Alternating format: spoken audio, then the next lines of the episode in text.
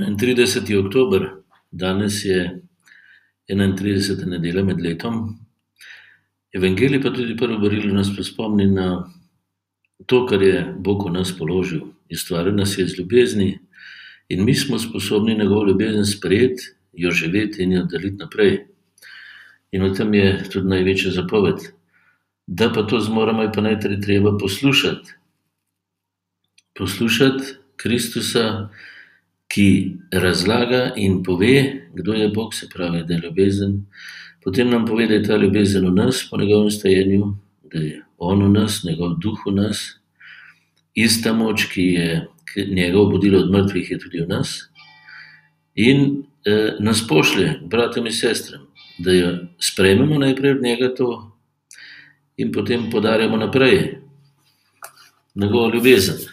Drugega ni potrebno. In ta ljubezen je eh, taka, da da življenje. Pravi, je oseba, ki pokaže, da nas ljubi tako, da samega sebe podari, ne da žrtvuje nekaj drugega, pa nekaj, da bi popravila to uh, ne ljubezen, ki jo mi živimo do sebe in do bližnjih in do Boga, ampak da sebe, da lahko tako vsak od nas vedno znova sprejme po njegovi besedi.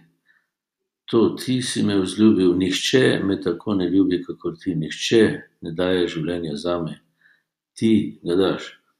Pravi, bolj sem ti dragocen kot tvoje lastno življenje. Zaradi tega jaz lahko tudi ljubim sebe in druge, ker so krhki okrog mene, ranljivi, tako kot jaz, omejeni uh, z strahom. Uh, pa z vsemi slabostmi, ki jih imamo. Hkrati pa v nas ta zapoved ljubezni, Bog jo je v nas položil. In storil vse, da bi mi z njim živeli, da se jo zavemo, da jo sprejmemo in da jo upamo potem deliti med seboj. Zato pravi, ljubi svojega bližnjega kot božjega sogovornika, božjega sina ali hči.